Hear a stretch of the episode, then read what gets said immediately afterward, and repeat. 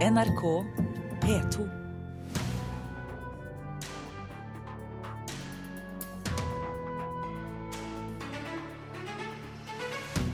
Arbeiderpartiet ber kulturministeren kutte alle politiske bånd til Ibsenprisen.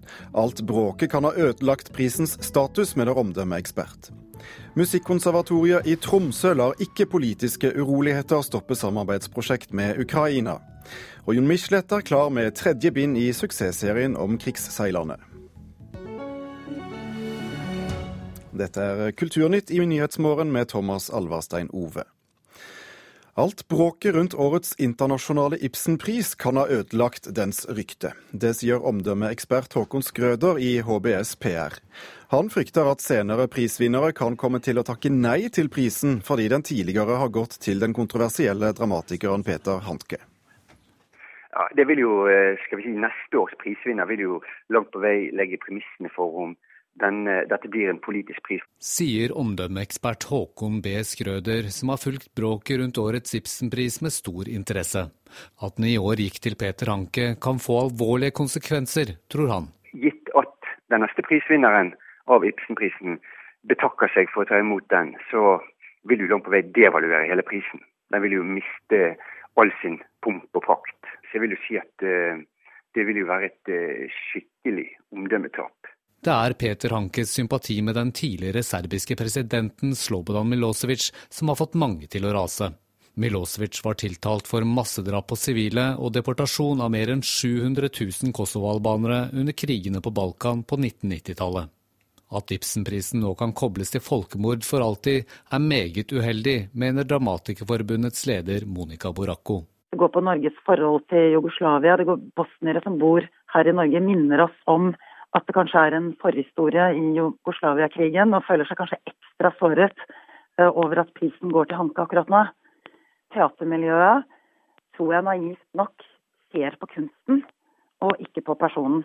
Men jeg tror ikke de har rett. Svarer juryformann for Ibsenprisen Per Boje Hansen. Selv om han ikke er enig i kritikken, erkjenner han likevel at det har blitt mer bråk i år enn han hadde forutsett.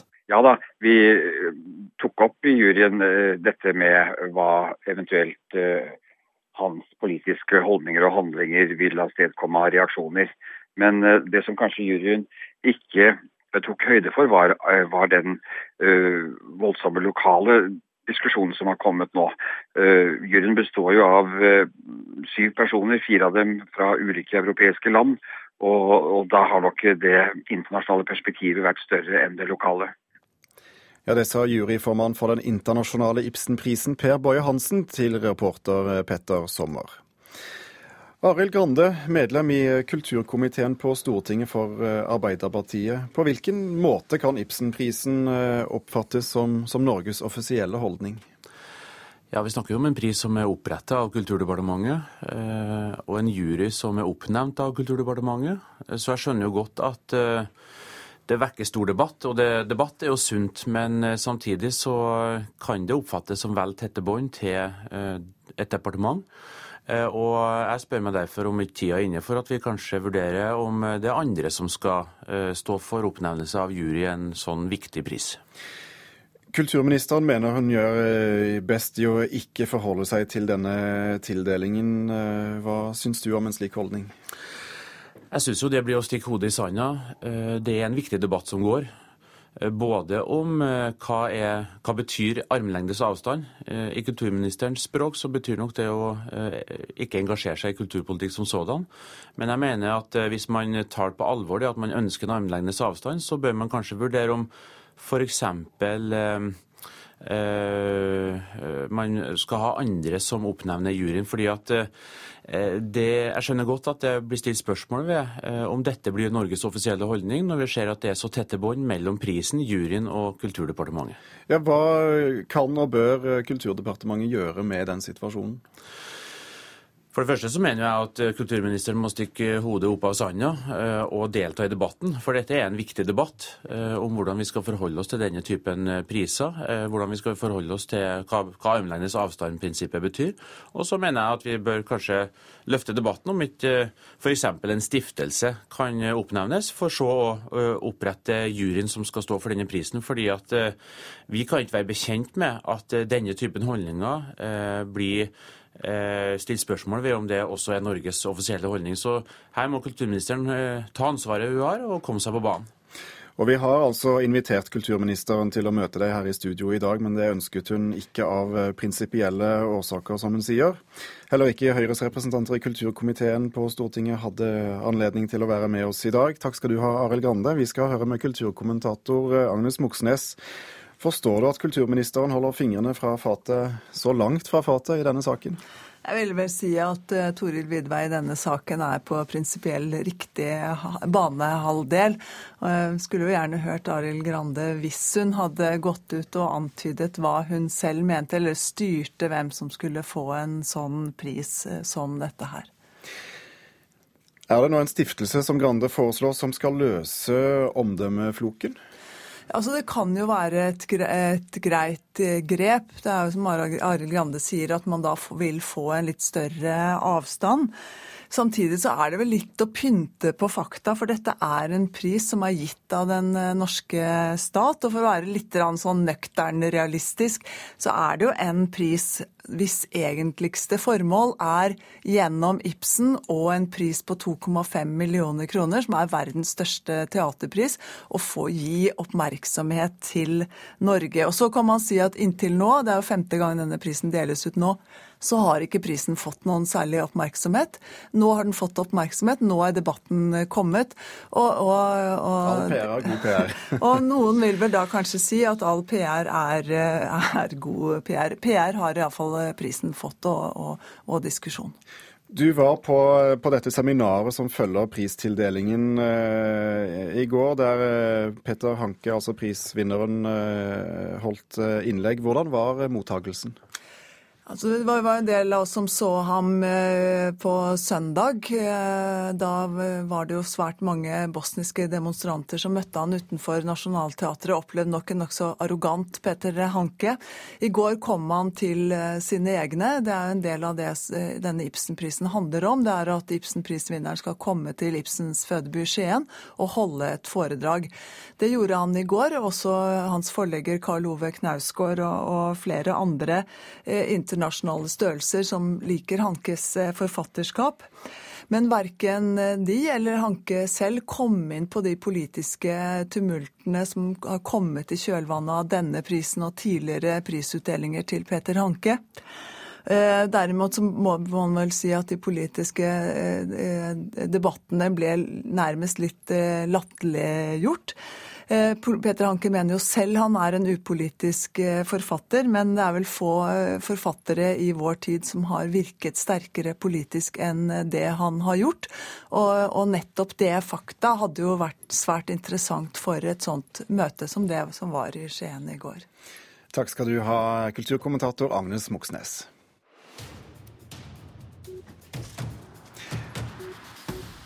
I går ble også den nasjonale Ibsenprisen delt ut. Den går i år til Johan Harstad for stykket osv.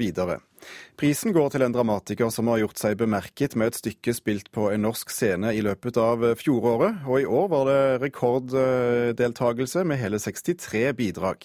Harstad mottar 150 000 kroner og en statuett av Henrik Ibsen. Akkurat nå har jeg det ganske fint. Det, det skal man jo kanskje ha når man eh, får både statuett og en, og en slump penger. Da pleier man å ha det ganske bra. Da du starta på å skrive dette stykket, ja det, det går veldig langt tilbake, men da det for uh, alvor ble et stykke av det, ja. du hadde likevel ikke drømt om det her?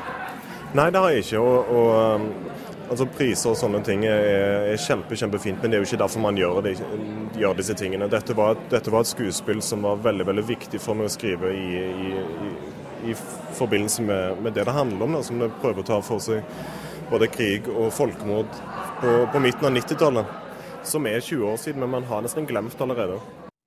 Sa altså Johan Harstad, vinner av den nasjonale Ibsenprisen i går kveld. President Bashar al-Assad og terrororganisasjonen IS ødelegger bevisst kulturskatter i Syria og Irak. Det sa USAs utenriksminister John Kerry under et arrangement på Metropolitan Museum of Art i New York i går. Kamphandlingene i regionen har ødelagt flere historiske statuer og templer, og flere arkeologiske utgravninger har blitt plyndret. Den amerikanske utenriksministeren frykter krigføringen vil føre til at eh, fremtidige generasjoner vokser opp uten å kjenne til områdets historie. Løvenes konge er tidenes mestselgende musikal, det melder nyhetsbyrået AFP. Musikalen, som er basert på filmen med samme navn, har tjent inn over 39 milliarder kroner etter premieren på Broadway i 1997, og har blitt sett av mer enn 75 millioner mennesker. Dermed har Løvenes konge tatt over musikaltronen etter Andrew Lloyd Webbers The Phantom of the Opera. Urolighetene i Ukraina må ikke påvirke samarbeidet norske utdanningsinstitusjoner har med landet. Det mener leder for Barentssekretariatet, Rune Rafaelsen. I to år har Musikkonservatoriet ved Universitetet i Tromsø hatt et samarbeidsprosjekt med et universitet i Ukraina. Under de verste uro urolighetene tidligere i år måtte studenter og lærere fra Tromsø stoppe en planlagt reise til landet. Men i oktober nå får de ukrainsk besøk, og planen er igjen å reise østover. Samarbeidet resulterer i mange positive tilbakemeldinger. Så alt som blir produsert, blir eh, positivt. I sterk kontrast til krig eh, og uroligheter. Det vi hører her, er pianostudenten Nicolai Karlsen fra Tromsø, som under et besøk i fjor spiller sammen med et orkester fra universitetet i Lviv. Gjennom et samarbeidsprogram får Tromsø-studentene muligheter til å bl.a. spille med universitetets fire orkester. Og de ukrainske studentene får lære av norsk, mer liberal studiekultur. Instituttleder ved Musikkonservatoriet, Safer Øsken, sier at universitetet ikke har noen betenkeligheter med å samarbeide med det urolige landet. Vi tenker først og fremst uh, på sikkerheten. At uh, Spesielt i den, denne situasjonen er vi veldig opptatt av det, at det er trygt for studenter og kollegaer å reise dit. Så vi tar ikke noen sjanse. En av professorene ved konservatoriet er konsertpianist og ukrainer Sergej Osadjuk. Han mener det er enda viktigere med samarbeid over landegrensen i urolige politiske tider. Fordi i så, så spent og så komplisert politisk uh, situasjon der det er kanskje spesielt viktig med alt som bidrar til å gi det menneskelig, menneskelig innsats eh, på alle mulige nivå, og ikke minst på studentnivå, på ungdomsnivå, på kunstnivå. Folk-til-folk-samarbeid er grunnmuren også i Barentssamarbeidet, fastslår Rune Rafaelsen, leder i Barentssekretariatet, og er dermed enig med pianisten. Rafaelsen har ikke tro på at utdanningsprosjekt med Ukraina kan skape vanskeligheter for Universitetet i Tromsø sine mange samarbeid med Russland. Det det er helt naturlig at universitetet i, eh, i Tromsø viderefører samarbeid med Ukraina. Det samme gjør vi. Det som vi har gjort i, i Nord-Norge, det er jo først og fremst at, at man har bygd et, et langvarig samarbeid med, med, institusjoner på russisk side. Men samtidig så har jo universitetene eh, masse internasjonale samarbeidspartnere over hele Europa og verden for øvrig. Til operafestivalen i Tromsø i oktober kommer studenter og musikere fra Lviv, som bl.a. skal delta i kammeroperaen La Serva Padrona. Og en av de norske studentene som har besøkt Ukraina, er trompetisten Sindre Larsen. Utrolig flott opplevelse, for at nivået på, på strykerne var, var, skyhøyt. Larsen tror det er sunt å få være med på denne type utveksling. Og tror jeg kan være veldig bra for studenter å få et Eh, realistisk bilde på hvordan ting er, og ikke bare støtte seg til noen fordommer om at sånn og sånn er det sikkert der. For ukraineren Osarchuk er det ekstra stor betydning å få samarbeide med sitt eget hjemland. Foruten reisen som måtte utsettes, ser han ingen ekstra utfordringer som følge av urolighetene i Ukraina. Jeg ser ikke noe hindring. Jeg tror vi kan samarbeide fruktbart både med Russland og Ukraina. Og muligens jeg håper at kanskje involvere begge dem i et eller annet felles prosjekt som også kan bli enda mer innsats eller contribution til, til vennskap og løsning. Og reporter i Tromsø, det var Hege Irén Hansen. Dette er eh, Nyhetsmorgen i NRK P2 og Alltid nyheter. Overskriftene nå når klokken er blitt 17 eh, minutter over åtte. USA har gjennomført bombetokt mot hovedkvarteret til den islamske staten IS nord i Syria, i samarbeid med arabiske land, opplyser Pentagon. Sjefen for oljefondet driver aksjehandel som privatperson. Problematisk, mener korrupsjonseksperter.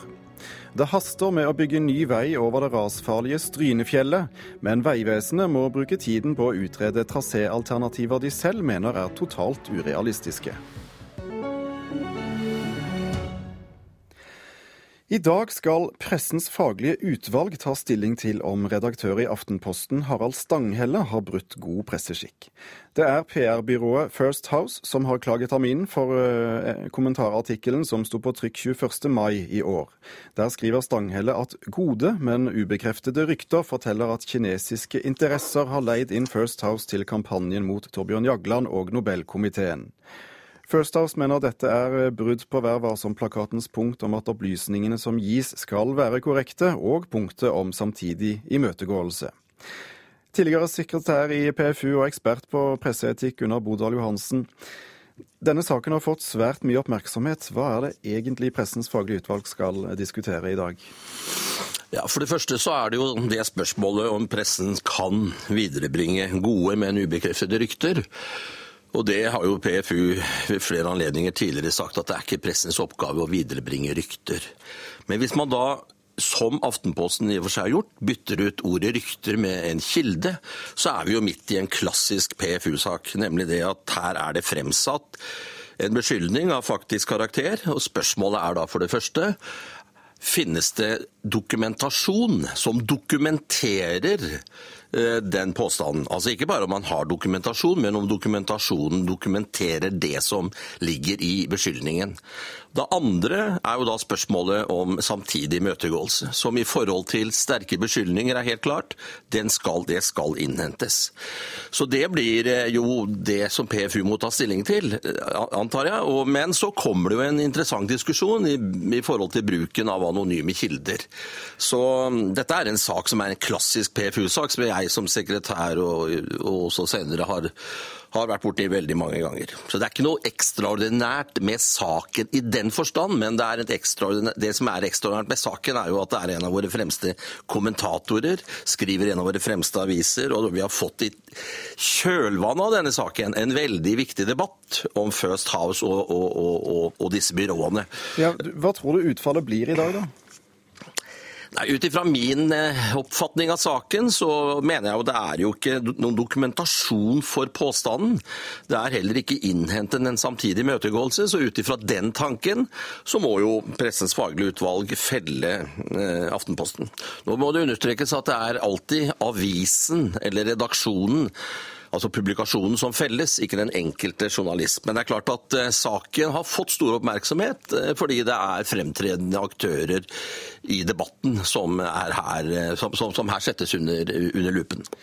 Enkelte har ment at denne saken aldri burde vært oppe i PFU i det hele tatt. At partene, som jo er sterke samfunnsaktører, begge to burde ryddet opp på, på bakrommet. Hva tenker du om det? Min oppfatning er at alle saker som har konflikter i seg, skal forsøkes ryddes opp mellom partene. Eh, vi har i pressens faglige ut, i pressens, i Pressens faglige utvalg understreker veldig sterkt at den innklagede publikasjonen skal ta et initiativ overfor den klageren for å finne fram til en minnelig løsning. I så måte så er det et hovedspor som alle redaksjoner må følge. Men det er jo ikke sånn at, at sterke samfunnsaktører, enten om det er i næringsliv eller politikk eller hva det måtte være, ikke skal kunne klage til Pressens faglige utvalg. Det har vi jo en lang tradisjon for. Gunnar Bodal Johansen, tusen takk for at du var med oss i eh, Kulturnytt eh, denne morgenen. To år på rad har eh, Jon Michelet toppet bestselgerlistene med sine romaner om krigsseileren Halvor Skramstad og hans skipskamerater. Samlet opplag er på intet mindre enn 300 000. Denne uken kommer tredje bind i serien, som starter i Liverpool. Hvis det er sant som det blir sagt, at London-tåka er alle tåkers mor, og at Newfoundland-tåka er alle tåkers far, da er Mercy-tåka helt opplagt et ektefødt barn av tåka som ruger over britenes hovedstad og den tåka sjøfarende møter på de rike fiskebankene ved Newfoundlands kyst. Ja, Jon Michelet, slik starter tredje bind av din romanserie om en sjøens helt, Gullgutten. Du har vært bestselger to år på rad, og nå kommer den vanskelige tredjerunden, som det heter på skjøtespråket. Er du spent? Ja, nå er jo ikke dette en 1500 meter, det blir en 5000 meter med fem bind. Men jeg har nok ikke råd til å hvile i tredjerunden, så jeg kjører på i denne boka med alt jeg har. I forordet skriver du at dette er et diktverk. Ja. Men det er jo også mye autentisk her, og mye som er sannsynlig. Jeg prøver jo å skrive realistisk og ligge så tett på virkeligheten til sjøs som det er mulig for en som ikke opplevde krigen på havet. Det som vel mest skiller denne fra de foregående, er at 1941 er et så utrolig avgjørende år for krigen. Hitlers angrep på Sovjetunionen i juni og Japans bombing av Pearl Harbor i desember 1941. Og så avsluttes denne bind tre med noe veldig få nordmenn vet noe om, og det er den voldsomme tyske ubåtoffensiven på USAs østkyst etter at Tyskland hadde erklært USA krig. Dette er en odyssé. Ja. En slags verdensomseiling på havet. Mm. Så du, du fletter jo inn veldig mye kunnskap da? Ja da, og nå har jeg hatt den store ære av å bli parodiert i Knut Nærums nye bok fra høsten som heter Æ. Hvor han har en tosiders parodi på min sjøroman som er litt sånn overlessa med helt merkelige fakta. da. Og, og, da, når man blir parodiert av Nærum, da har man virkelig oppnådd noe i sitt arbeid. Hva har suksessen gjort med deg? Du har solgt 300 000. Man kunne jo tro at den ville gjøre meg full av prestasjonsangst. Men jeg har ikke merka noe på det. Jeg har tvert imot opplevd eh, det har nå så bredt ut som en voldsom inspirasjon. Ellers så har det ikke forandra meg noe særlig. Altså Måten jeg jobber på, måten jeg lever på, er som før. Det var reporter eh, Jørn Enger som hadde møtt eh, Jon Michelet. Og med det er Kulturnytt slutt for i dag. I denne sendingen har du hørt at eh, Arbeiderpartiets Arild Grande ber kulturministeren vurdere å gjøre den internasjonale Ibsenprisen om til en stiftelse for å unngå, eh, unngå kontroverser rundt prisen slik vi har hatt i år. Sendingen den eh, var laget av produsent Halvor Haugen. Bak de tekniske spakene satt Hanne Lunås, og her i studio bak mikrofonen satt Thomas Alvarstein Ove. Hør flere podkaster på nrk.no podkast.